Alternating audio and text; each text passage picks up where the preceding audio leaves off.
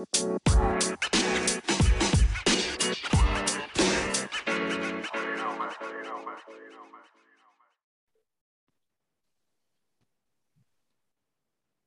og velkommen til en ny episode med Jordbrukspodden. I dag har vi med oss en spennende gjest fra eh, Blaute, Blaute Trøndelag.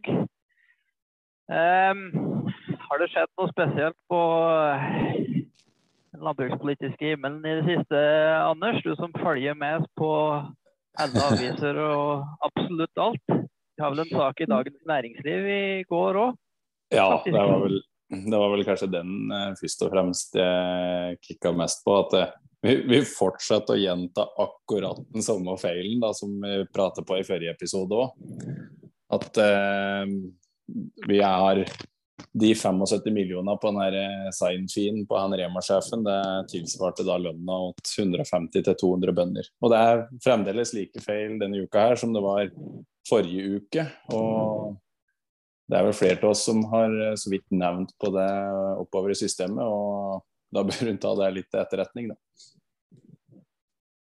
Ja, for saken var altså den at uh, Dagens Næringsliv har fiska opp det med at eh, Bondelaget med flere har uh, ytra seg litt negativt om at eh, Rema har uh, henta inn en tidligere ansatt og gitt han en sign-on-fee på 75 millioner. Og så har de da lagd et regnestykke og sagt at det tilsvarer 150-200 bønder. Og så er det Mm. basert på da det offisielle tallgrunnlaget, som vi vet er Stein stein hakke tullete feil. Mm, mm. Um, og da er jo sånn at man har en mulighet i eh, den største finansavisa i Norge til å egentlig si hva er det som er realiteten, og så velger man å Mm. bruke feil tall. Så det er jo litt, litt skuffende, må man kunne si. Ja, altså Vi diskuterte jo litt dette her, jeg og du òg, og så kommenterte jeg at det var for så vidt egentlig ganske bra at uh, det har kommet fram det at det skal være både vederlag til arbeid og avkastning på egenkapital. Men vi vet jo at tallgrunnlaget åt det òg er feil. Det er, jo, det er jo det vi driver med i forhold til Grytten-utvalget. Eh, så, så det hjelper egentlig veldig lite. Det, det får ikke vært riktig på noen måter, den uttalelsen der. Nei. så har det jo vært litt uh, saker fra Møre og Romsdal. Der sliter de jo veldig med regnet, samme som i, i Trøndelag. Og på andre deler av landet er det jo tørke, så sånn er det litt hvert år. Det, vi får litt drittvær på den ene eller andre måten over hele landet. Mm. Så det var vel eh, det. Da sier vi velkommen til en Ola Fiskvik fra Stjørdal i Trøndelag. Tillitsvalgt og kornbonde. Eh, kan ikke du fortelle litt igjen kort om deg sjøl, Ola, om gården din og hvilken produksjon du, du driver med, og hva, ja, hva du driver med, rett og slett? Jo, takk. Det kan jeg gjøre. Eh, Jeg holder til på Skatval i Stjørdal. Det er ca. 12 km nord for flyplassen på Værnes. Det er helvei ute i Trondheimsfjorden der. Der driver jeg med litt over 700 mål med korn på egen og leid jord. Eh, Dyrker bygg og havre og høsthvete. Og et annet året så har jeg prøvd meg på litt erter til modning òg. Det er den produksjonen jeg har i dag. Tidligere så har jeg drevet med både melkekyr og ammekyr og slaktegris. Men uh, måtte slutte med det i 2004, for eh, jeg fikk problem med lungehelsa mi, så jeg torde ikke uh, tålte ikke støvet som var i fjøset, så da ble det en eh, ren kornproduksjon eh, på gården og litt jobb utenom gården i tillegg, da, for å få det til å gå rundt. Mhm. Hvordan har vekstsesongen vært for det så langt eh, på kønn? Har det drukna, eller fikk du sådd såpass tidlig at det bare har hatt god nytte av alt regnet? Hvordan ser det ut sånn eh, avlingsmessig og dyrkingsmessig? Det er litt, eh, litt begge deler, skal jeg si. Jeg har noe høsthvete som står veldig fint. Jeg fikk sådd den ganske tidlig i fjor høst, og den kom godt før vinteren. og har absorbert alt dette regnet og gjort seg godt av det. Eh, så fikk vi sådd en eh, par hundre mål av vårkornet i sånn 3-24. april. Og det står jo kjempefint. Så fikk vi jo tre uker med regn der vi ikke kom ut på hele tatt. Så det sist, resten ble jo sådd etter 17. mai. Noe av det klarer seg bra. Det på den beste drenerte jorda klarer seg veldig bra. Men eh, jeg har noe leiejord som ligger litt lenger oppe i bygda her, der det er mer nedbør. Og det er jord som er litt dårlig drenert. Og der er det nok en del som har drukna, rett og slett. Så det blir litt spennende i år. Det ja, Vanskelig å si hva avlingene blir, men det blir, det blir stort sprik i hvert fall. Fra sånn halvdårlig til kjempebra. Hvilke klimatiske forhold er det der du driver, og hvordan jordsmonn er det du eh, har? Er det litt og kort, eller? Ja, det er litt, litt av hvert, men det meste er mm, silke mellomleire da, på, på den jorda. Jeg har jo en del eh, litt mer rein silt. Og så er det noen små eh, flekker med litt sandholdig og noe med litt bra høyt moll- og sånn. Og det er jo litt broket arrondering her, så det er jo en tendens til at det kan være både to og tre og fire jordarter på samme skifte. Og det er jo litt eh, utfordrende når en skal drive, da. Og gården min ligger jo Ja.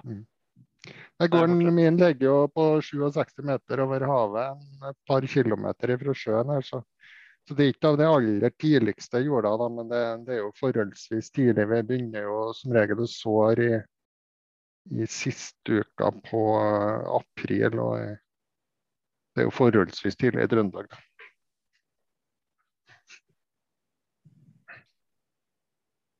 Absolutt. Men du sier det sånn høstgården. eh, Hva er det som er liksom fristen på å så det i eh, ditt område og rundt Innherred eh, for den får den til å etablere seg, seg godt på høsten? Jeg har satt grense på min gård på 10.9. Hvis jeg ikke har forstått før det, så syns jeg som regel at uh, det konkurrerer bedre med vårkorn. Uh, de helt nede med sjøen her eh, strekker det nok uh, 14 dager lenger. Men eh, så det er Ja, det er, det er ganske store forskjeller i siste frist her, bare på noen kilometer mellom gårdene. Hvor stor andel er det du bruker å ha i forhold til høstgrøder og, og fårekorn?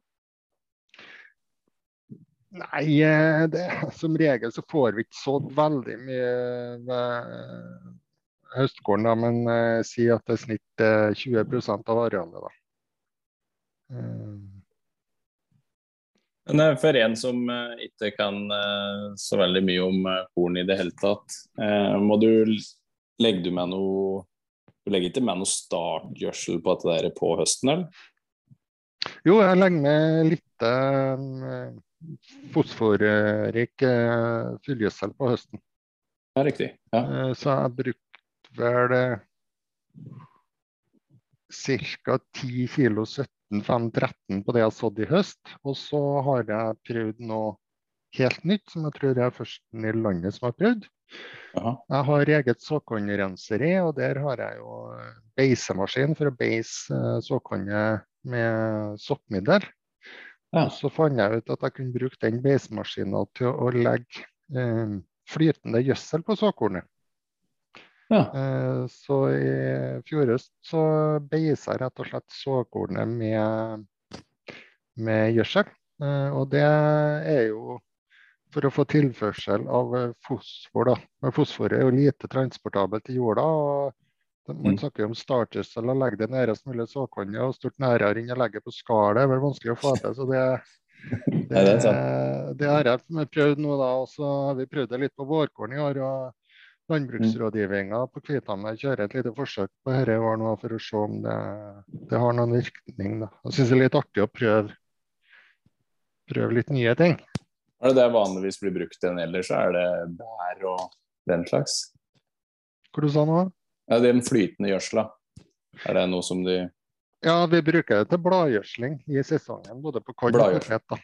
Ja, Ah, så vi ja. bruker det ofte sammen med ugrassprøyting eller, eller soppsprøyting. da. Ja, slik, ja. ja. Uh, kjører på uh, en liten dose der da, så jeg får litt mikronæringsstoffer og litt nitrogen og fosfor da, rett på bladene. Ja. Uh, det kan være med å booste avlinga lite grann. og i særdeleshet hvis en ser at det er mangler, så kan en kjøre på bladgjødsel med akkurat det næringsstoffet en ser mangler. da, og Mm. virkelig berge avling. Mm. Jeg tenkte på da Det er en del eh, i forhold til den gjødsel eh, Jeg må litt over på økonomi her fort, da. Men i forhold til den gjødselprisen som gikk opp nå, eh, så tok de som driver med korn, da, de tok egentlig For de som la med høstkorn, så tok det en del avgjørelser allerede i fjor høst på og, og, og mye gjødsel det kornet de har sådd krever da, for at det skal bære seg nå i denne sesongen, Mm. hvis jeg forstår riktig. Ja. Og da Åssen er det i forhold til det du har sådd? Er det, det du har sådd, er det noe som krever eh, mye gjødsel, eller er det hva slags vurderinger er det på det? Høstkorn krever, krever mye gjødsel, men det gir jo stor avling. Så eh, gjødsel-avlingsforholdet er jo ca. likens som på andre korn. Ja. Men eh, det, hvis en skal gjødsle opp for å få maks med, med protein i i hveten, så krever jo det litt ekstra. Da. Så det var det som var diskusjonen i vår, her om vi skulle booste protein og gå for matkornkvalitet, eller vi skulle legge oss litt ned på nitrogennivå og så lever det som fôrkorn. Da. Eh, Ja. Og, og er eh, konklusjonen så langt på det? Ah, hva skal jeg si etter jordbruksoppgjøret? Det er Man berger vel akkurat at det er lønnsomt å levere matkorn, men eh, det er jaggu ikke noe mer heller, nei. Og så er det litt andre forhold som kommer inn her, og særlig i Trøndelag. Da, for det.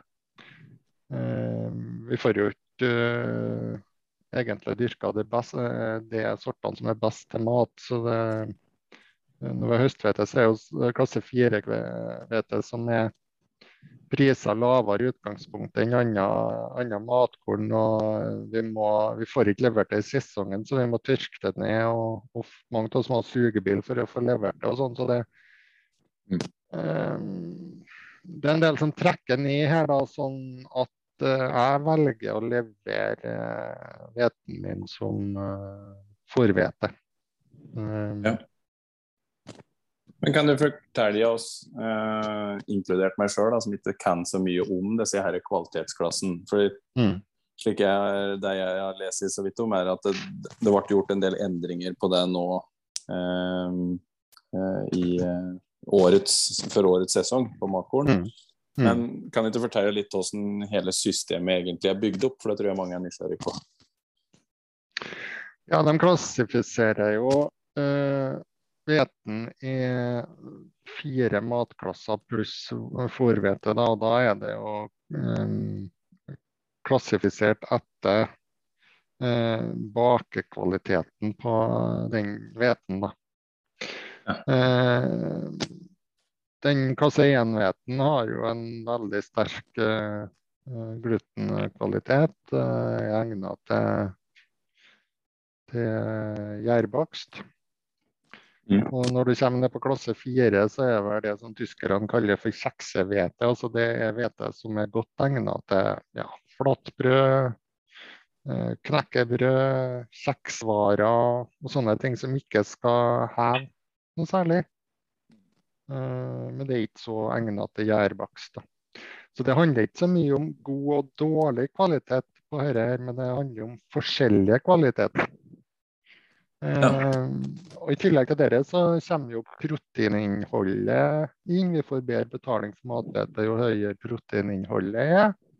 Mm. Og så er det krav til falltall, altså kvaliteten på eh, stivelsen. Eh, falltall det måles i sekunder. og det, altså De rett og slett ordner en grøt av eh, ordner mel og grøt av det, og så slipper de et lodd nedgjennom og måler hvor fort lodde, loddet søkker. Og det sier noe om hvor seig deigen er. da. Ja. Uh, derfor er det falltall. da. Da er det om å gjøre at det er Høyest mulig. Det er grense på uh, 200 sekunder på hvete for å få det, få det godkjent som uh, matkorn. Og bakebransjen de presser jo på nå for å få heva det til 250. Ja. Eh, Får de gjennomslag for det, så vil jo det ekskludere en god del partier da, fra å bli brukt som mat. Men da er inne da er et annet spørsmål òg når det gjelder eh, kvalitet på korn, matkorn. da. Eh, for vi importerer jo en god del korn.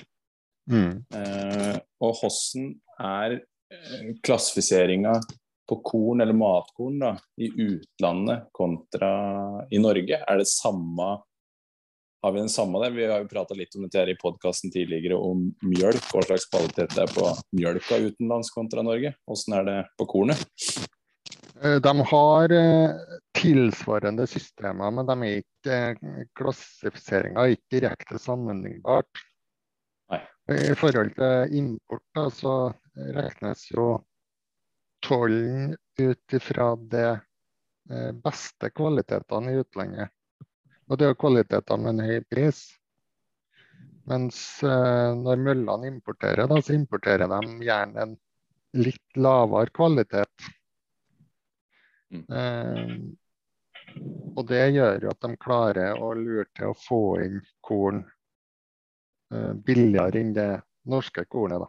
Har gjort det i hvert fall hittil. Eh, nå er jo det norske kornet forholdsvis billig sammenligna med korn fra resten av Europa. Ja. Mm, Så det har jo skjedd noe der når eh, alle andre land har markedsstyrt kornpris, og vi har en eh, pris som er styrt av staten. Så har ikke vi fått eh, egentlig det samme løftet i pris som det andre, men vi har samme markedsstyringa og kostnadssida vår, så der er det en eh, ørliten mismatch nå, da. Ja. Jeg, jeg, jeg stusser jo litt over dette her. Jeg, Jeg har jo regna på alle disse her referansebrukene, og jeg måtte jo innom eh, kornbruka til slutt òg. Eh, etter jeg fikk prate med en, en del folk som hadde mye bedre peiling på det enn det jeg sjøl har. Mm. Eh, og da viste seg jo det at korn var av det som var dårligst, det absolutt dårligst betalt. Eh, Og når vi skrev eh, april, eller var det mars? Nei, mars eh, nå i vår, eh, så var da inntektsgapet fra i fjor Det var vel da en måte på en snitt, altså på alle kornsorten, da, eh, snitt opp 70 øre eh, kiloen. Og så hadde du i tillegg fra de framforhandla priser der, da, så var det òg 50 øre i kostnadskompensasjon. Og det var i mars, før den siste prisoppgangen. Eh, Så da skulle det jo egentlig til 1 krone og 20 per kilo på kornet, tror jeg det var. Og var ikke det omtrent eh, det som først var kravet? 1,20? Eh, inkludert tilskudd så lå det sjiktet der.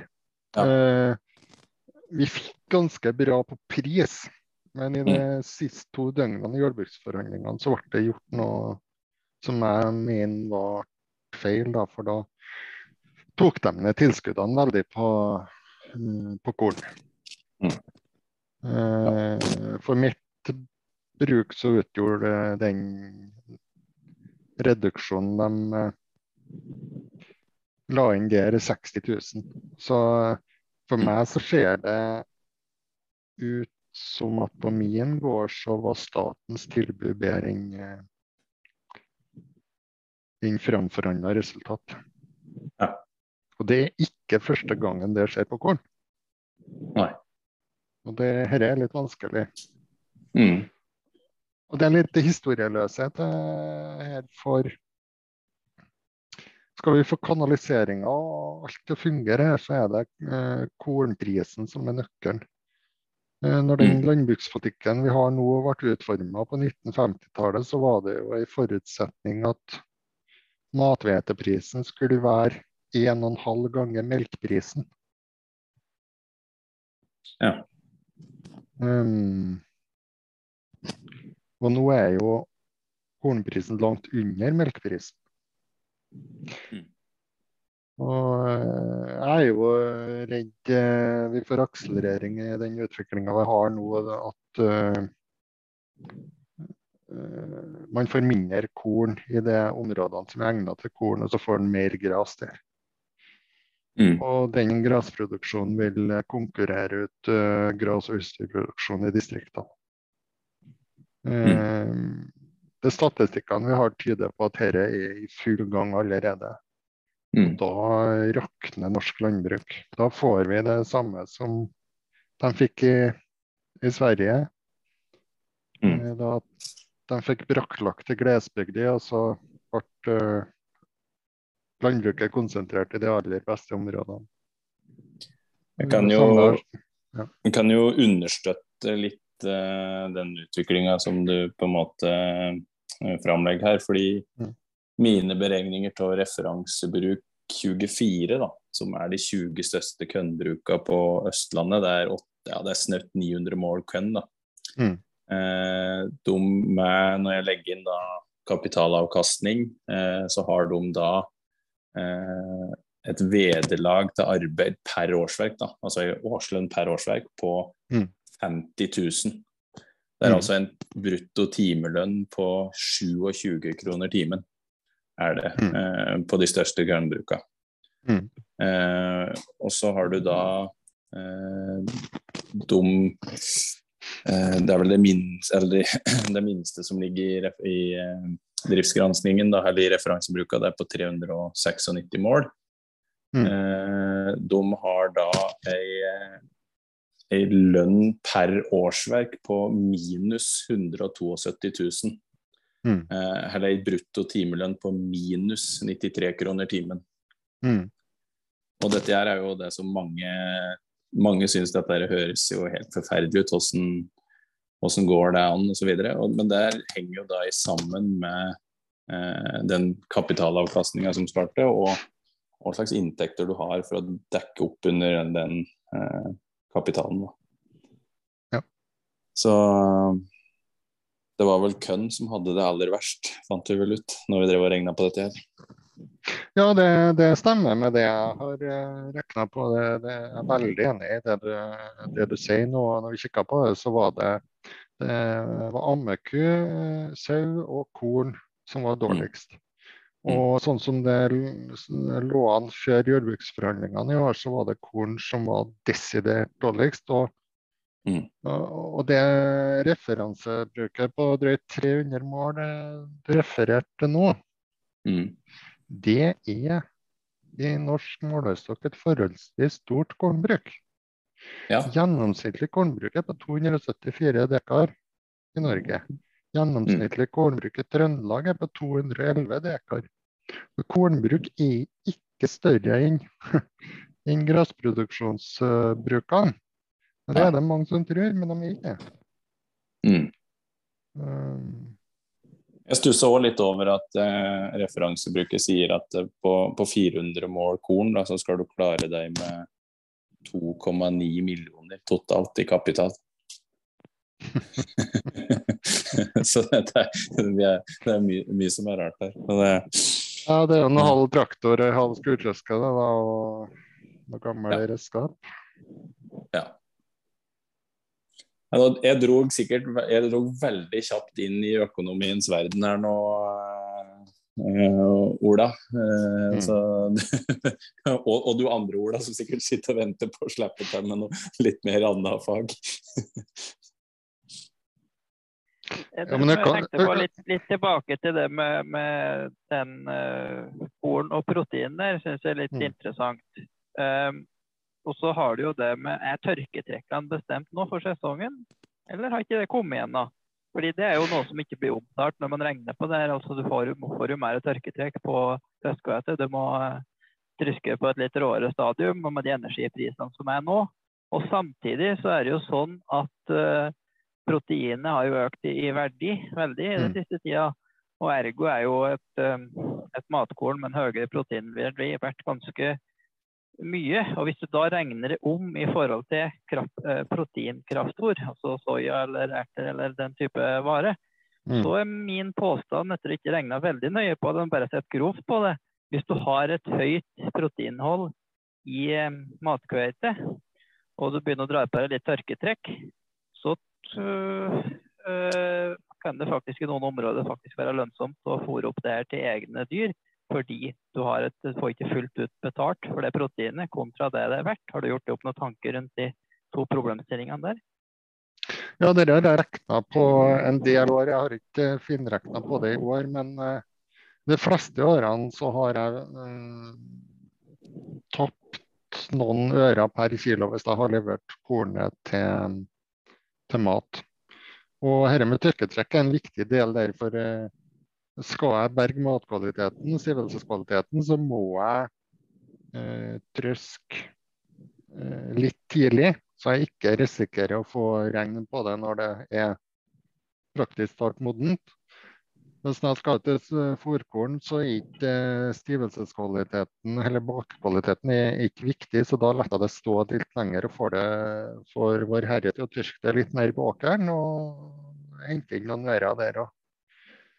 Så det er mange faktorer å regne inn her. og Altså, eh, vi må ha større forskjell på, på eh, matkorn og fôrkornpris hvis vi skal være helt sikre på at det for alle er lønnsomt å levere matkornet til mat.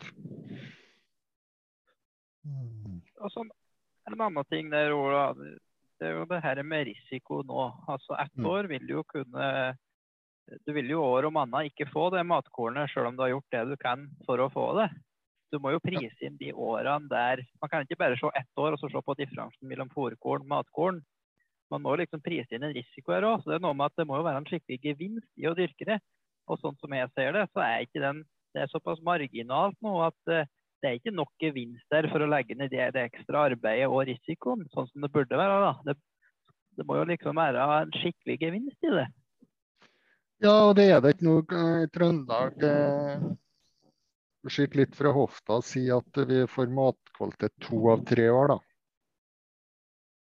Eh, Hvis vi går inn for det. Så er det jo en risiko der da vi skal inndekning på det tredje året òg. Går vi for vårhvete, eh, så øker jo egentlig risikoen. Den er jo enda senere moden. Og så er det en ting til. De beste vårhvetesortene her gir lav avling. Eh, Jeg går ikke for vårhvete og får 450 kilo. Hvis jeg kan så høsthvete og få 700 kilo. Kanskje mer. Eh, Det må, må jeg som enkeltgårdbruker ta inn i min kalkyle og risikoberegning her, da. Eh, For antall kilo trumfer det meste. Men er det noen høste, er det noen høstesorter da, som, eh, som kommer opp i klasse 1 eller klasse 2? Nei. Nei. Alle høsthvetesortene vi har nå, går i klasse 4. Ja. De er i utgangspunktet lavest betalt av fôrkorntypene, da. Nei, av eh, matkorntypene. Ja. Eh, Vi har én vårhvetesort som går i klasse 1, og den heter Mirakel. og Det er fantastisk eh, bra korn, men den er krevende å dyrke. Og med det så mener du Nei, han gir litt lav avling, han går fort i legde, han er sein. Ja. Eh, kanskje ikke en sort som jeg har ville anbefalt eh, mine kolleger å, å bruke i Trøndelag. I hvert fall jeg har prøvd det sjøl, og det Og det er den eneste som går i klasse 1? Ja. Er ikke det veldig urettferdig, holdt jeg på å si? Hvis det er så vanskelig å bruke? eh, ja, men det er vanskelig å få Jo, det er jo det, men det er vanskelig å få fram, eh, få, før så hadde vi, jo, hadde vi vel ingen, ingen, sorter som gikk i klasse 1, så man har fått fram en norsk sort som går i den klassen. og Det i seg selv er jo en seier. og så må vi jo håpe at det kommer flere eh, bra sorter etter hvert. Men eh, akkurat nå så er det jo klasse 2 og 3 det er for lite av. For den eh, mirakelveten i klasse 1 ble jo så populær at uh, det ble jo nesten for mye av den her, så de overlagra jo for to år siden. Og det har, har jo en kostnad at man uh, lagrer over til neste år, da. Uh, da kommer du inn på dette med beredskapslagring, som det er mye snakk om nå. Det har jeg lyst til å si noen ord om. Det er jo sånn fokus på siloen i Stavanger. Å få brukt den til beredskapslagring. Den er jo bygd for å ta imot skolen med båt fra utlandet. Mm. Den er kjempestor. En krigssituasjon så er han en veldig stor blink for dem som skal bombe et kornlager. ja. Ja. Eh, jeg syns de skal selge den siloen. Så skal de ta de pengene, felleskjøpet, og bygge lager i kornområdene. Bygg flere lager, spre risikoen. Mm. Og ha lagrene sånn at vi kan bruke dem i den vanlige logistikken, og ikke bare i beredskapslagring. Men hvis vi har flere mindre lager, så er vi bedre i stand til å lagre flere kvaliteter mm. for seg. Og i gode år så kan vi lagre over gode kvaliteter. I dårligere år så kan vi eh, lagre over litt dårligere korn. Vi kan i en eh, vanskelig situasjon eh, lagre fôrkorn som egentlig er spiselig for mennesker òg. Sånn at vi har det i beredskap i tilfelle det blir nødvendig. For i en krisesituasjon så må vi finne oss i å spise litt eh, tyngre brød enn vi gjør til vanlig. Ja, for, og hva er det som skiller egentlig det brødet du lager med fòrkorn fra et med matkorn? Ja, Dere er ikke, dere er ikke faget mitt. Da skulle vi hatt noen fra Nofima til å snakke om dette. her, Men, eh, men også, det kan bli tyngre. Det, det kan ja. bli et stort høl midt inni når du baker av det. og det, ja, ja det, det, Vi snakker veldig om eh, protein og, og stivelseskvalitet her, men det er veldig mange andre parametere de går etter, og hvor bra det er til å og bak meg. Og så har vi en industri som krever stabil kvalitet. Mm. De skal lage det akkurat like sprø hver dag hele året. Mm. Uh, og da er det jo enkelt for dem å bestille det fra utlandet, der det er større forhold og det er enklere å få til uh, jevn kvalitet. Mm. Men nå har vi jo et sånn matkorninitiativ der hele landbruket, bakerbransjen, eh, eh, kjøpmannssida og møllebransjen og alle sammen hjemme. Der man samarbeider for å få til uh, mer bruk av norsk matkorn. Og da går jo det på at alle må strekke seg og utvikle seg. Vi må bli flinkere, vi som er bønder. De må bli flinkere, de som er bakere, til å utnytte melet vi klarer å få til her. Og, ja.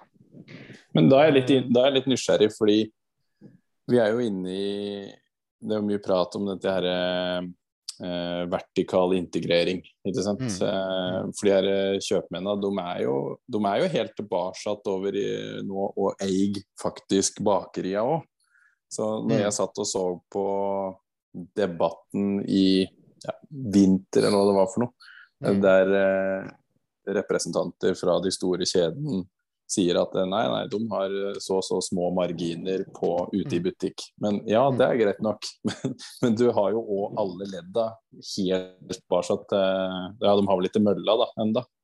Men hvordan er det samarbeidet fungerer da, hvis det faktisk fortsatt er disse store kjeden òg som driver bakeriet? De er vel interessert i å kjøpe billigkorn fra utlandet?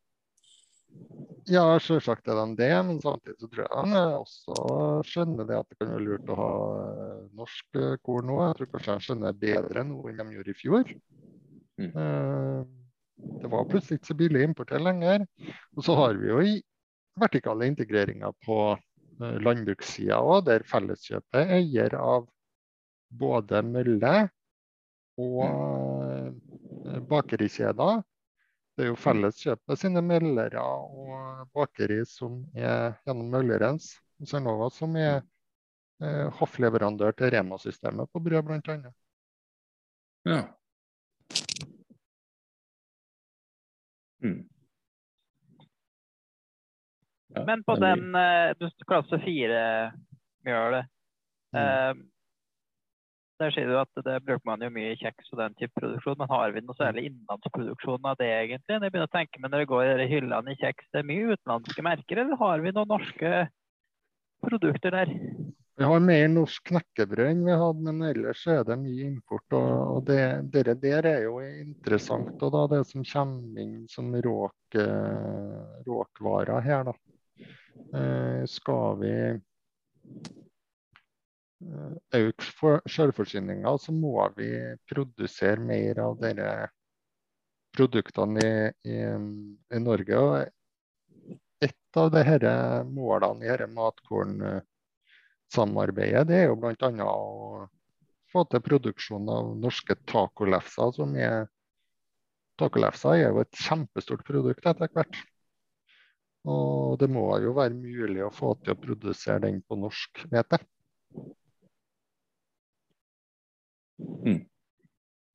Ja, det ikke kikker du på prat- kiloprisen på dem, så burde det jo være noen marginer å hente der òg, skulle en tro. Men, men var det ikke noe prat om eh, krav til norskandel òg i, eh, i, eh, i forhold til å bruke dette nytt eh, Nyt eh, Norge-merket osv.? Jo, det er, det, det er noen diskusjoner på det òg. Og så har jo, har jo har man vært veldig dårlig på kornsida å fått fram varer som kan merkes Nyt Norge. Så jeg tror det er bare 70 eh, kornprodukter som er merka med Nyt Norge. Eh, Mm. Flestene av dem er havreprodukter. På kjøtt er det 2000 forskjellige produkter. Så det er jo Mm. noe det skal jobbes med her òg, da. Mm. Eh, Men da må en jo klare å, å ha stor nok norskandel i, i melet til at man kan eh, bruke det Nyt Norge-merket. da. Mm. Mm.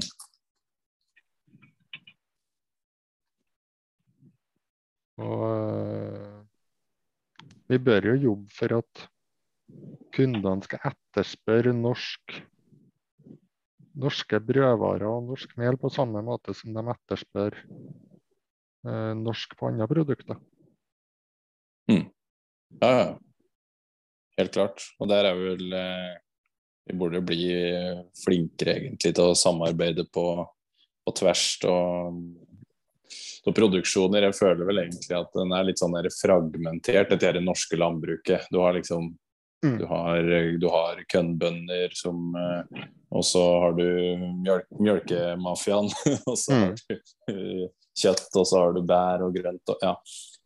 Så det er liksom det er for lite Sjøl om vi på en måte samles i alle organisasjoner osv., så, videre, så er det fortsatt for lite sånn eh, prat på tvers av produksjoner. Det, er vel, ja, det er vel kanskje litt målet med denne podkasten her òg, Ola, egentlig. Å skape Mm. litt mer innsikt i, i de forskjellige produksjonene. Ja, jeg tror vi har mye å lære av hverandre, de forskjellige produksjonene. Jeg får nå kjøre mye rundt omkring i landet, og jeg ser jo det at uh, hadde man jo spissa grasproduksjonen på samme måte som de flinkeste uh, korn- og grønnsakprodusentene spisser sin produksjon, så tror jeg vi har hatt et helt annet grovfôr. Mm. Og hadde vi hatt et bedre grovfòr, så hadde det vært mer plass til norsk fôrkorn i kraftfòret. Så alt dette, det henger sammen. Mm. Uh, Hva slags tanker har du rundt å spisse grovfòrproduksjon, da? Eller grasproduksjon? eh, så, altså, hvis du begynner å kikke tallmaterialet, så har vi ikke hatt kvalitetsstigning på grovfòret eh, praktisk talt ikke de siste 40 årene. Mm. Og veldig liten eh, økning i avlingsmengde òg. Og når du kjører rundt i landet, så ser jeg for mye ugras. Jeg ser for mye ugras som liker seg godt på sur jord. Jeg ser veldig mye dårlig drenerte grasareal. Jeg ser veldig mye gammel eng. Mm. Eh, og så hadde vi jo dette Grovfòr 2020-prosjektet som viste at de som hadde god eng, tok store avlinger, hadde det billigste grovfòret. Mm. Så man får ikke det billigste grovfòret med å slekke på alt. Men hvorfor tror du det ser ut som det gjør da, allikevel? Mange plass nå så er det nok billigere og enklere, mer praktisk å bruke kraftfôr enn å satse på grovfôret. Mm. Det er en del bønder som er helt ærlige på. Mm. Eh, Men skal vi få til høyest mulig selvforsyning, så kan, vi ta, kan det ikke være sånn. Da må vi gjøre noe med det. Mm. Da må nok kornprisen opp, Mm. sånn at vi får øka verdien på, på grovfòret. Mm. Så får vi kompensere det med å bruke tilskuddene direkte inn i husdyrproduksjon, i stedet for å bruke den til økt pristilskrivning på fôrkorn. Eh, Det som skjedde i jordbruksforhandlingene i år, ble jo at eh, den mismatchen mellom økonomi i forskjellige produksjoner ble styrka ved at en satsa på videre økning av prisnedskrivinga, og sågar innført prisnedskriving på importert karbo. Mm. Da så vi at inntektene i kraftfòrkrevende produksjoner eh, gikk veldig mye opp, og det de vel jo ikke Eh, men det var ikke dem som trengte det mest denne gangen. Vi klarte ikke å styrke økonomien nok hos de produksjonene der det var mest påkrevet. Mm. Det ble fortsatt for dårlig på sau og korn. Så klarte man å løfte ammekua sånn brukbart, men gjerne løfta det mer. Eh, Men vi må altså vi må ha mer fokus på jorda. altså Det er jordsbruk vi må ha fokuset på hvis vi skal øke selvforsyninga.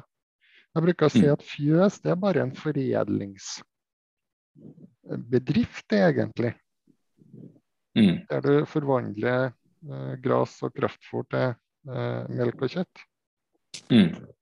Men det er gresset og, og kornet som gir selvforsyning, enten vi putter gjennom dyrene eller vi spiser kornet direkte. Men kan det hende at eh, eh, det er for gode insentiver for å ha eh, mye areal og drive det ekstensivt, fordi eh, det er det vi tjener penger på, vi som driver med gress. Det er der det ligger en gevinst i å drive ekstensivt. da. Svært ekstensivt, for å kalle det på den måten. da. Ja, Det er jo det man får når det er, når det er arealtilskudd som er grepet. Dere så vi på korn når uh, Gunhild Øyangen uh, senka kornprisen med ei krone og innførte arealtilskudd på korn. Da stoppa uh, avlingsutviklinga per arealenhet stoppa opp. Mm. Trøndelag snakka om noe de kalte for Gunhildåker. Det var så tynt og gjødsel lite. Så heller prøve å skaffe seg stort areal. Ja. Men det er ikke noe som gir økt selvforsyning. Nei. Nei, nei, på ingen måte. Og, og så fort det er en eller annen kompensasjon i sikte, Mm. så blir det tatt på areal. Ja. Eh, og for dem da som, eh, som, eh, som driver intensivt og har høye avlingsnivåer, og som kanskje har kun det arealet som de absolutt trenger for sin produksjon og de dyra de har, eh, så, em, så ender du opp med å bli straffa i slike situasjoner. Og det, er, og det mener jeg jo, at du blir faktisk straffa i disse situasjonene. Både avlingsskadeerstatning, gjødselkompensasjon, så blir vi straffa, de som driver best. Ja, når gjødselkompensasjon kom på areal, så eh, straffer det jo dem som uh, bruker innsatsfaktorer for å få til avling. Mm. Og det kan ikke være rett. Nei. Nei. Um, jeg er ikke noe for ei ekstensivisering av landbruket, at det skal være løsninga. Jeg tror løsninga ligger i innovasjon og, og utvikling. Ny kunnskap, presisjon, samarbeid. Mm. Um, I farten så kommer jeg ikke på noen næring som har lyktes med å eh, gå tilbake til tidligere driftsmetoder. Nei. Og vi ser jo nå på eh, når, når, du fikk eh, En ting er at avlingsnivået kanskje har stått i ro, da, eh, men det har kanskje skifta litt hender hen avlingen blir produsert. Men mm. eh, nå, nå, var det jo henta ut større avlinger enn det som lå til grunn eh, for de nye eh, gjødselkrava, da. Eller det derre Ja. Åh, nå står det helt stille her. Gjødsel, ny gjødselforskrift, ja. Det var ja. veldig bra de fikk rydda opp i nå. Mm. Og det må føre til at den forskrifta blir, blir stoppa og revurdert. Det er helt nødvendig. Mm. Det må være lov til å ha på nok næringsstoffer til å ta ut avling. Altså det, det, det, eh, det hva du tar ut av næring i avlinga som er interessant. er Det skal ikke være mismatch mellom det du har på det du tar ut i avling. Nei. Um, og det blir det fort hvis jorda er i dårlig hevd. Altså Er det surt og dårlig drenert, så blir det dårlig avling. Samme hvor mye gjødsel du har på. Mm. Dere vet egentlig alle. Og skal vi det... drive miljømessig forsvarlig her, så må vi ha økonomi til å holde jorda i hevd. Mm. Det bringer meg litt tilbake til eh, noe som jeg tenkte over i 2018, når avlingsskadeerstatninga kom. Mm. For da eh, var jo de, de, som driver med korn, de var jo litt prisgitt den gjennomsnittsavlinga di, da. Mm. I forhold til hva de fikk eh, i erstatning. Fordi mm. At eh, de rapporterer jo inn avlingsnivået, eller har jo tall på avlingsnivået hele tida. Mm. Eh, så var det uheldig da, og hadde et eh, fantastisk godt år i 2017 f.eks. Eh, utover det som er normalt for ditt område, så kunne mm. du risikere å få veldig dårlig betaling. Eh, mm. Det som skjedde på gras, er jo at eh, avlingsnivået, eller altså normalavlingen jevnt over, var veldig dårlig. Litt mm. sånn ref det du òg prater om på hvor dårlig vi kanskje egentlig er på gress. Fikk jevnt over. Mm. Eh, og så har du igjen da de som hadde akkurat med areal, eh, og fortsatt la ned masse innsats. Eh, vatning og osv. osv. Gjorde alt for mm. at det skulle komme avling. Eh, fikk da for høye avlinger i forhold til det som var normen, og ble igjen straffa. Mm. Så, men, men hvordan fungerer Var det de siste tre åra som, som var snittet på korn? Eh, siste seks åra mener jeg det er Seks, ja. Og så Ja, skal vi se nå. Er det det fem beste av de siste seks årene, tror jeg det. Ja. Eh, men du har i hvert fall et godt utvalg? Ja, du har det. Du har det. Mm. Eh, men i praksis så ser jeg jo det at det skal noe alvor til å få ut navlingsskadeerstatning på korn for det, når det er 30 egenandel. Mm. Og så er det jo en uh, erstatningspris uh, per kilo der som er lavere enn måleprisen. Så det er så mye rart her. så det det sier jo noe om den uh, andre orda sa her i, starten, at det, det er jo en risiko, en stor risiko knytta til det å, å gå for f.eks. matkorn. da. Mm. Um, som, eh, ja, som, ikke, som, kanskje ikke betaler seg. Ja. Mm.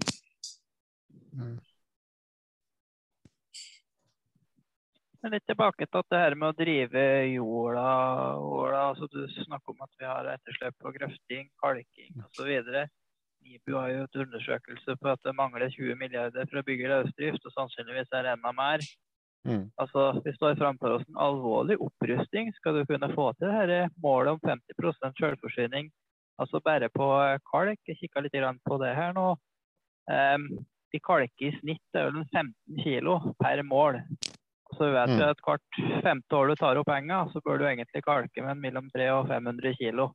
Ja. Og når snittet da er 15 kilo på året, så ganger du det med fem, så går Mm. ikke det opp i det hele tatt. Så vi har jo en kontinuerlig forsuring naturlig, og selvfølgelig fordi vi bruker kunstgjødsel.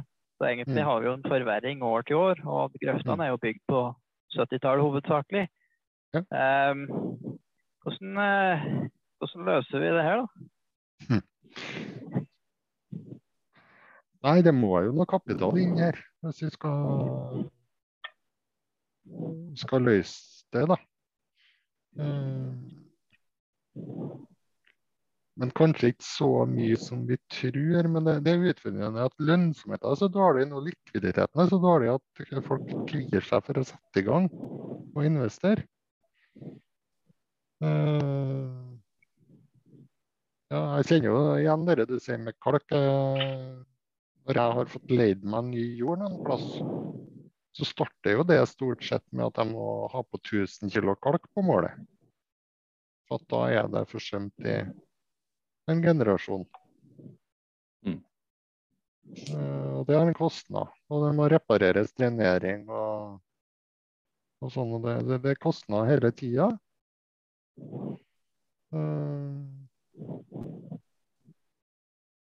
Ja.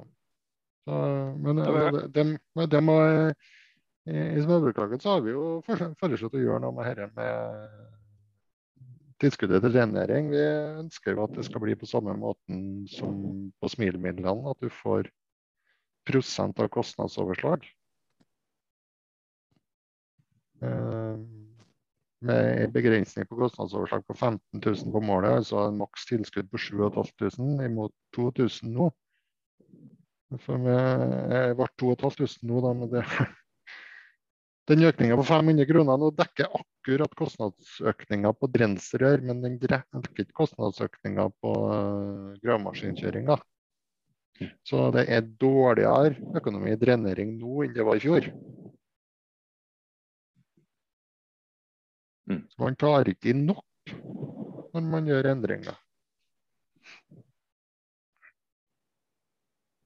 Og da er jo spørsmålet hvor mye synker egentlig selvforsyninga i 2022? Ikke hvor mye den øker. er vel... eh, det, nå kan vi jo få en god kornhøst, da, sannsynligvis, og da vil jo det påvirke veldig mye. Men sånn generelt så er det jo ikke noen sånn faktorer her som tyder på en, en sånn veldig snuoperasjon for det. i hvert fall. Så det må ganske kraftigere lut til ved neste korsvei skal du rette opp i, i mye av det her. Altså Hvis en sier det at vi har en 10 millioner dekar jordbruksjord, da, sier halvparten er skor i systemgrøfta, så Mm. sier det at det koster da kanskje i snitt ja, hva kan si i snitt da? Kanskje 8000 kroner. Noen steder kan kjøre med rådalshjul, og noen steder må man grave med gravemaskin. Mm. Gange opp det. Det blir ganske store beløp. Mm. Men du, eh, du driver jo med redusert jordbearbeiding, og da er nå vel kanskje det med grøfter enda viktigere, og PO og at alt er på stell på den. Hvordan er erfaringene med redusert jordbearbeiding? Det begynner jo å komme veldig på, på måten. Noen holder jo hardt på plogen fortsatt, men veldig mange begynner jo å gå over. Eh, Hvordan du ser på det? Er mange år siden jeg starta med redusert jordarbeiding, og så mislyktes jeg med det. og Så kjøpte jeg meg plog igjen, og så er jeg jo litt sånn at jeg liker ikke å gi meg. Så ble jeg kjøpt meg en, en sånn dypkultivator, da, rett og slett en skikkelig grov harv, en sånn Vederstad kultus. og begynte på noen åkre og kjørte det i stedet for plogen. Og til slutt så var jeg jo, slutta jeg å bruke plogen og solgte plogen. Så nå har jeg kjørt på en del areal eh, uten plog i sju år, og nå syns jeg jeg får det til bra. Jeg holder avlingene opp. Jeg klarer å holde ugraset i sjakk. kanskje litt mer sprøyting, men helt marginalt. Eh, sparer fryktelig mye diesel, ser jeg. Og reduserer antall kjøringer. Eh, sånn at det blir mindre jordpakking. Uh, kjører En plog har jo full jernomskjæring vertikalt. Jeg kjører et uh, uh, Nei, horisontalt, men jeg, jeg kjører en mer vertikalt system der jeg ikke skjærer gjennom hele, hele bredda, for det mener jeg skjærer gjennom, så skjærer jeg gjennom alle porene og gangene i jorda og tetter til dem. Så på leir og silt som jeg har, så tror jeg han skal kjøre med harv og ikke med skålharv. da. Det er lettere å gjøre det enn kanskje bedre med skålharv, men jeg har i hvert fall funnet noe som fungerer her nå. Å få blanda inn eh, halmen, halmen i det øverste jordlaget, så ser det ut som vi får økt mollinnhold, i hvert fall i øverste jordlaget. Jeg er ikke sikker på å øke mollinnholdet totalt. Eh, men får for jord som er mer stabil i forhold til erosjon, eh, det får bedre vasshusholdning. Det ser ut som det er bedre både når det er tørt og når det er bløtt.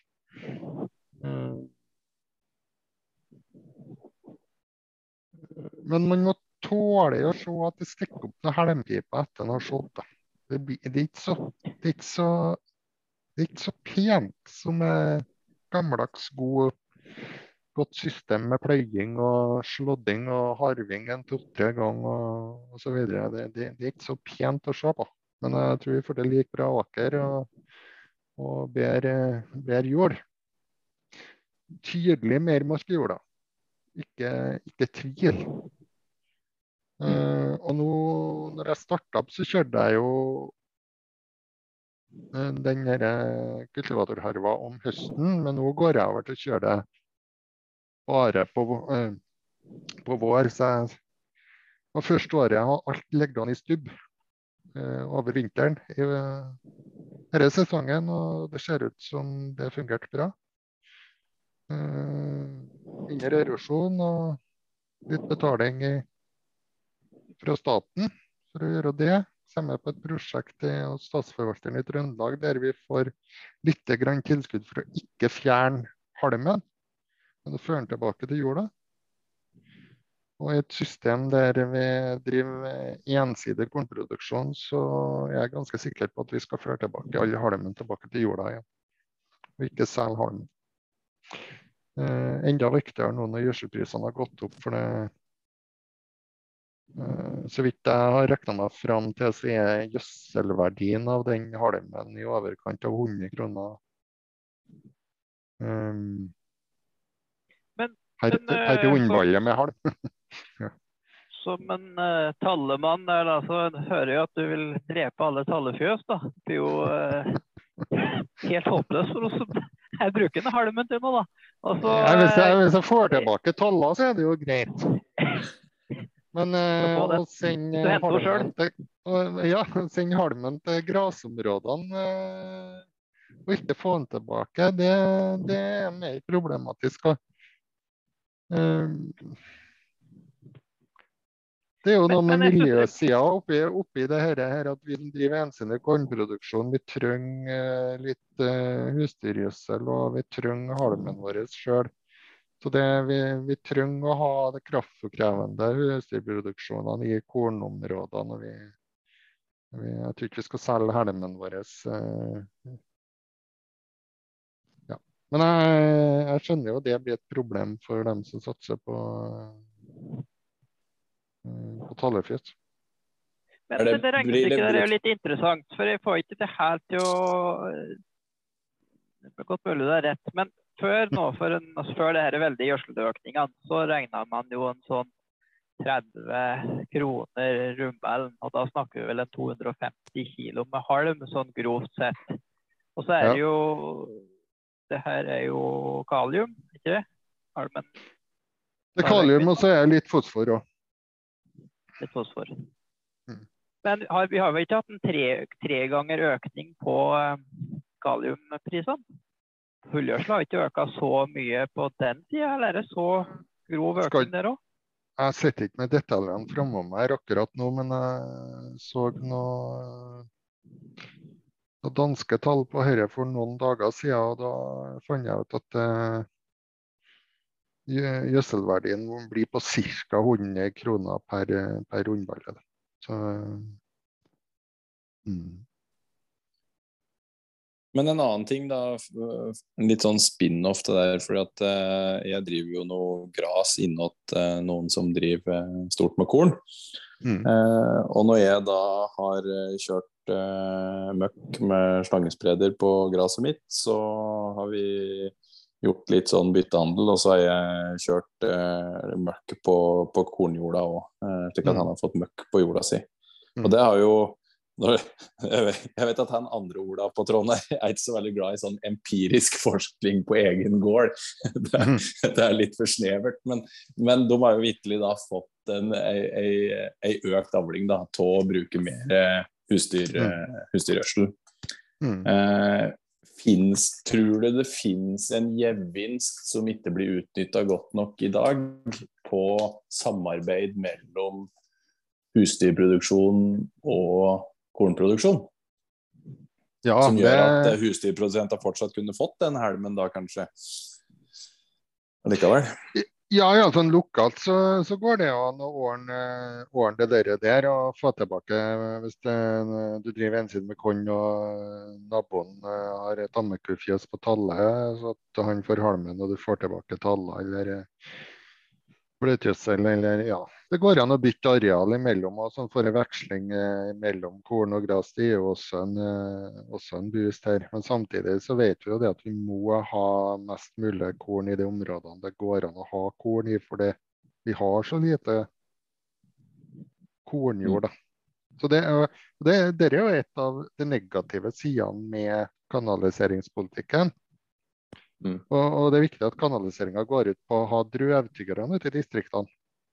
Men fortsatt så må vi holde igjen noe gris og kylling og egg i, i kornområdene, sånn at vi har noe hus, husgjødsel der òg.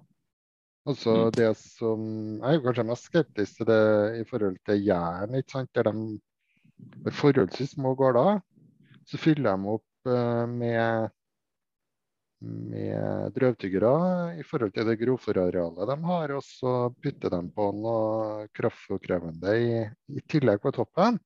Og da kan det jo bli litt mye husdyrgjødsel i enkelte distrikt her. Husdyrgjødsel som vi hadde trangt i kornområdene, særlig på Østlandet.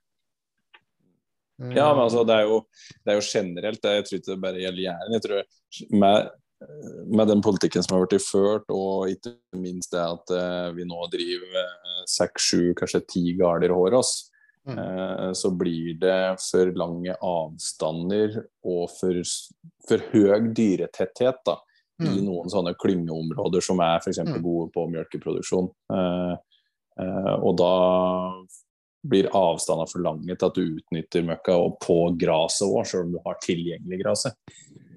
Det er jo det som er hele greia med det, det bråket som er i Nederland nå. De importerer veldig mye fôr importerer korn og kjørte opp en husdyrproduksjon som er gigantisk på et lite område. Og mm. da blir det mye Det blir for mye møkk på mm. for lite areal. Mm. Eh, da gjødsler de mer enn plantene klarer å ta opp, og da øker faren for forurensning. Mm. Eh, så jeg tror det at det finnes områder i Europa der man må ned på husdyrtetthet hvis det skal være bærekraftig. Eh, og jeg tror det at vi må være bevisst på dette i, i Norge. Og det, det er ikke menneskerett som bonde heller å få lov til å produsere akkurat det du har lyst til. Det... Da drar du meg inn på et uh, godt tema her, Ola. for Vi glemte å nevne det, men du er jo politisk nestleder i, nei, politisk nestleder, organisatorisk nestleder i Småbrukerlaget. Ja. Og um, tida går, nå er det fryktelig trivelig å prate, men jeg tenkte å komme litt inn på den rollen du har der òg. Vi snakka litt om, om, korn. og um, Du snakker jo om å ja, bevare distriktspolitikken, men som du sier, prøve å ha de enmaga dyra nært kornet. Nå er det jo satt i gang et uh, svært prosjekt uh, i Troms. Der de ønsker da å få til 20 000 flere smågris i Troms fylke. Mm. Det tilsvarer jo da en produksjon på 1,7 millioner kilo tonn. Nei, 1,7 millioner kilo. Mm. 20 000 smågris et ganske stort beløp. Da skal vi da bruke veldig mye ressurser på å bygge fjøsene oppi der, kjøre korn opp dit og produsere gris der.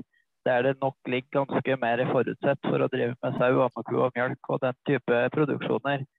Uh, hva tenker du rundt at vi driver på, etter mine ord, og surrer med sånne ting? Eh...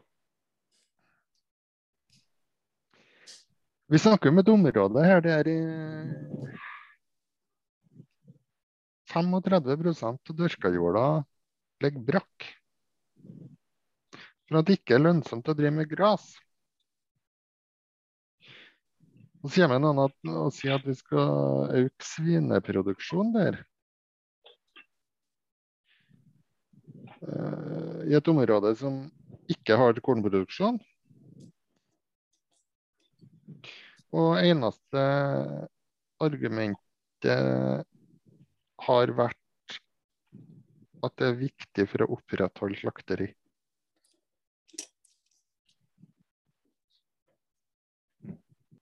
Eh, landbrukspolitikken er ikke til for å opprettholde flest mulig slakteri. Det, den er til for å opprettholde produksjon av mat. Og fatte selvforsyning. Og det prosjektet der det blir sånn typisk sånn dis, eh, distriktstenking og mangel på nasjonal tenking. Vi har da nok, vi har da nok svin. Vi trenger ikke flytte svineproduksjonen til Troms og så presse den ned andre plasser i landet. Eller skal vi gå bygge opp en produksjon der for å gå rett inn i en overproduksjon som fellesskapet må betale?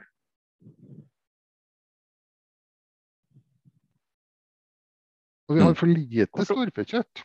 Og det, da må vi heller stimulere til å produsere mer storfekjøtt i det området, som kan produseres på lokale grasressurser. Mm. Kort Jeg oppsummert så kan vi ikke kalle det her godt bondevett, akkurat, eller sunt bondevett.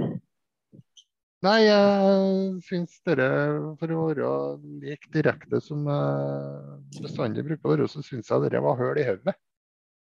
Rett og slett eh, høl i hodet. Det skjønner jeg faller noen tungt for brystet å høre, men eh,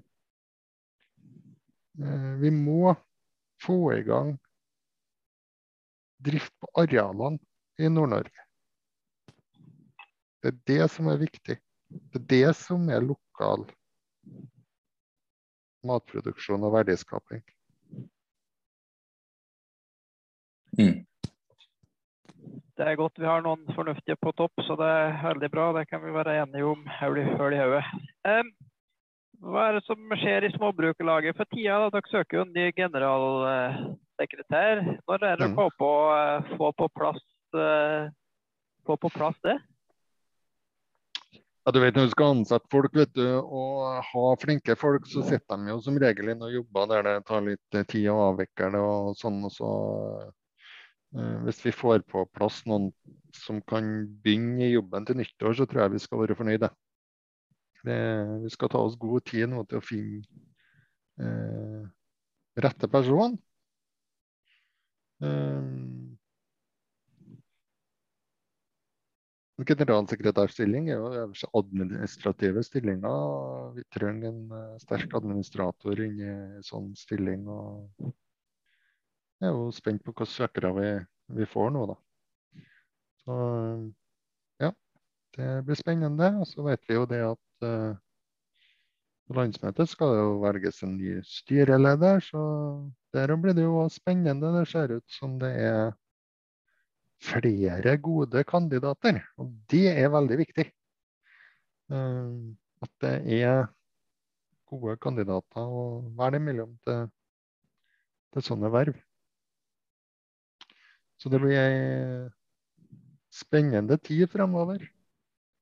Mm. Apropos spennende tid. Uh, har dere i Småbrukerlaget gjort dere opp noen tanker om det her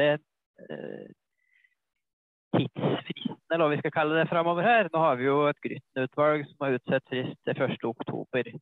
Så er det jo en høring som skal være ferdig før nytt, nei, eller en innstilling fra Stortinget som forhåpentligvis skal være ferdig før nyttår. Så har du jo høring. Det har vært snakka om tre uh, måneder. Um, så kommer jo et jordbruksoppgjør til våren. Så vet vi jo da at et tallgrunnlag må være på plass en viss tid før det. For det skal jobbes gjennom budsjettnemnda og lages et, et tallmateriale til partene i god tid før jordbruksoppgjøret begynner. Altså, er det noen prosesser som er i gang her fra faglagenes side for å begynne å etterspørre en tidsplan fra, starten, fra staten for å sørge for at vi faktisk kommer i havn til neste års jordbruksoppgjør? At vi har et nytt uh, tallgrunnlag som man er enige om, uh, og at man er i gang med denne jamstillingsplanen, sånn at uh, den blir effektuert allerede ved jordbruksoppgjøret nå til våren. For vi må huske på det at jordbruksoppgjøret 2023 det kommer først på bondens konto i 2024. Sånn at uh, det, ting tar tid der. Hvordan er, hvordan er, prosessene i gang der? Får dere noe, liksom, noen gode svar, eller er alt i det blå?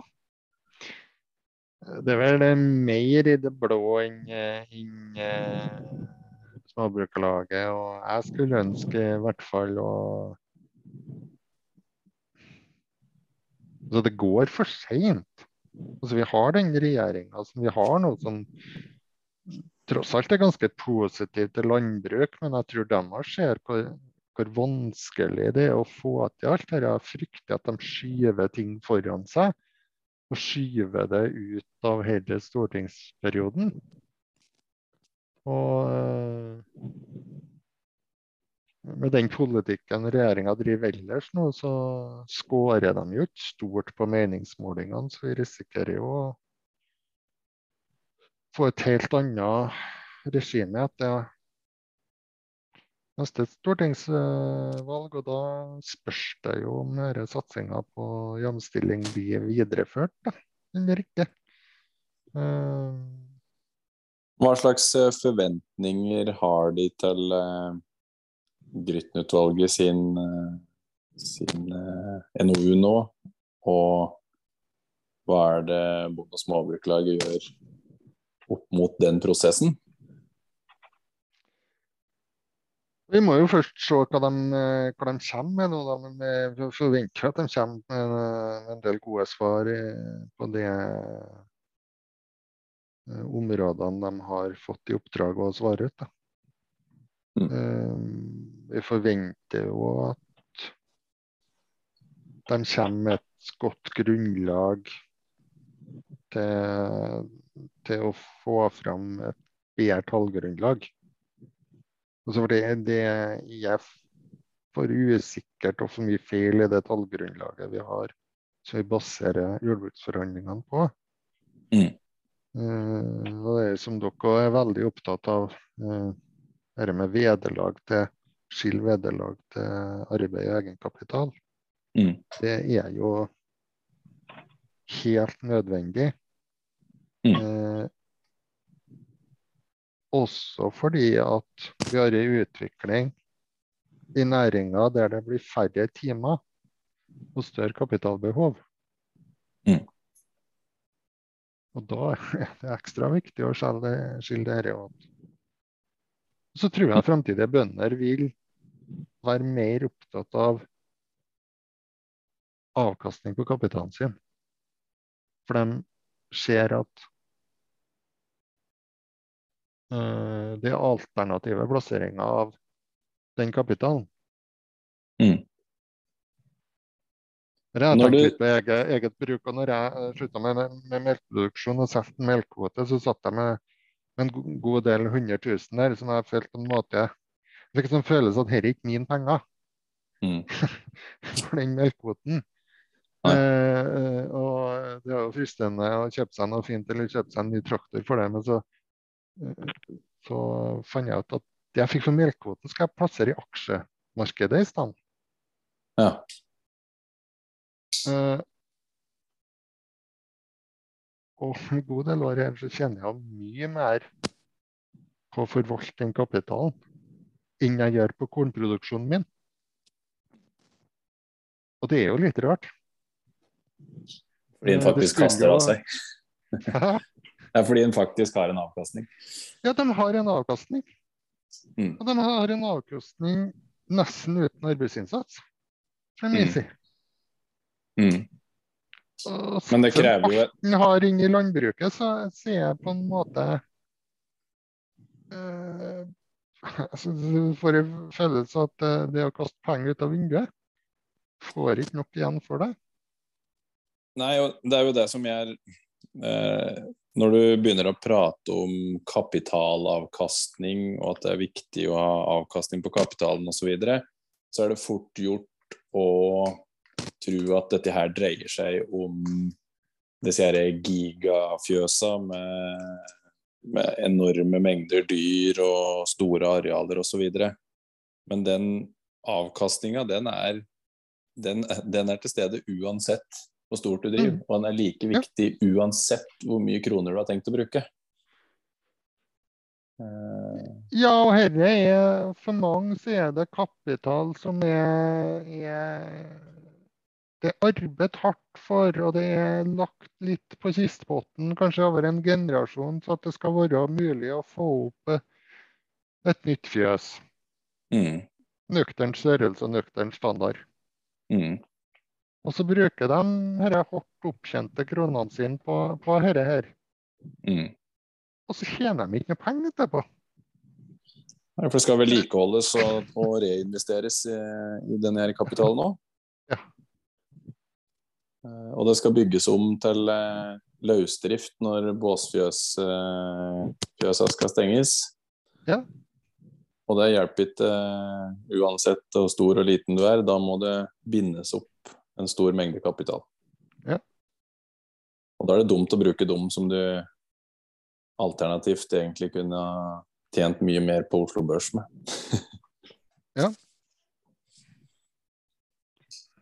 Men litt tilbake til spørsmålet mitt, eh, Ola. Jeg skjønner Mm. fullstendig hvis du ikke føler du kan svare litt helt på det, helt konkret. Men, men, men sånn konkret, da er eh, Har faglagene på en måte sendt noen henvendelse til LMD for å liksom få en slags tidslimit på en forståelse på tidsfristene, sånn at en på en måte presser dem litt til å komme i gang med prosessen og, og, sette de tidsfristene, sånn at det ikke blir sånn som du sier, at man skuver det fram i tid. For det, er- det er veldig lett at det skjer.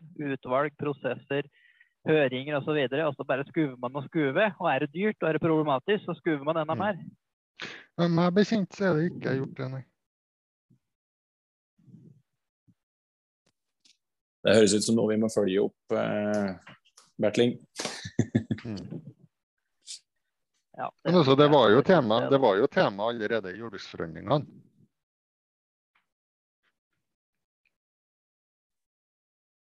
Mm.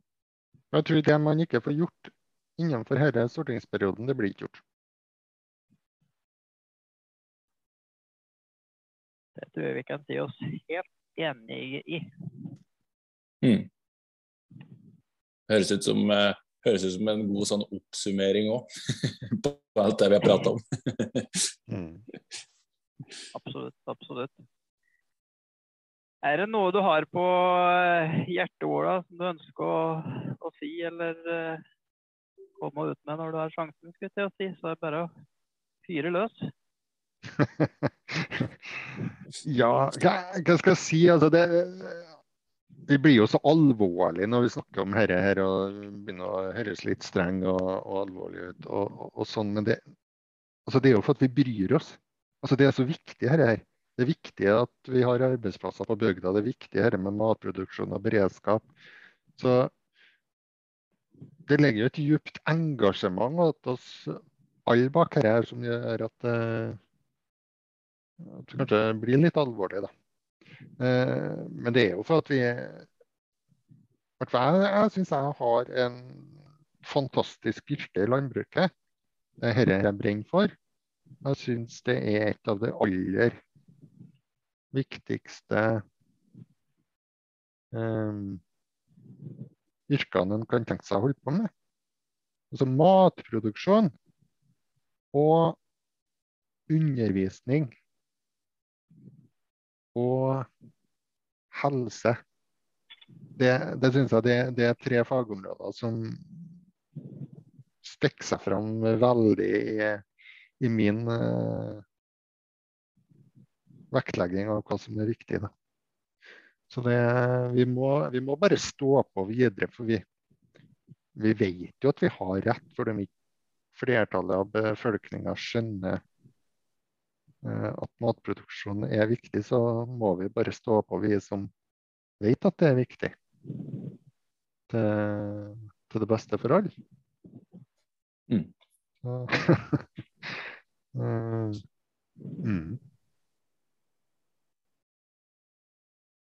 Så må vi ta vare på så må, tror jeg vi, så tøft som det er nå, så må vi være flinke til å ta vare på hverandre i landbruket. Um, jeg er bekymra for, uh, for mange bønder. Jeg ser, uh, ser bønder rundt meg som sliter med økonomien, de sliter med psyken. Og de fortjener så mye bedre, syns jeg. Så Det er det verdt å være med og slåss for. Det er i hvert fall derfor jeg engasjerer meg i faglag. Jeg synes det er viktig å være med og engasjere seg, og jeg synes det er viktig at bønder er medlemmer av et faglag. Det er viktigere at de er medlemmer i et faglag enn hvilket faglag de er medlem i. For, eh, sånn som jeg tenker, i hvert fall.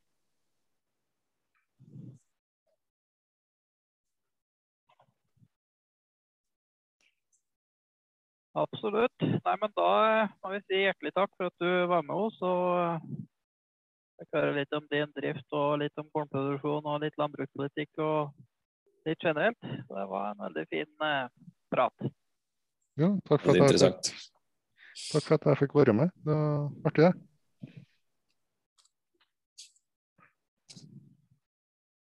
Og eh, da kan vi vel si det at uh, neste pod, da skal vi vel litt videre til den som met opp en del av det kornet som ikke går i uh, menneskemat. Og så skal vi litt innom uh, litt fornybar energi og snakke litt om det. Så da blir det litt gris og, gris og energi i eh, neste pod, og det blir ikke så lenge til. Takk for oss her her i dag.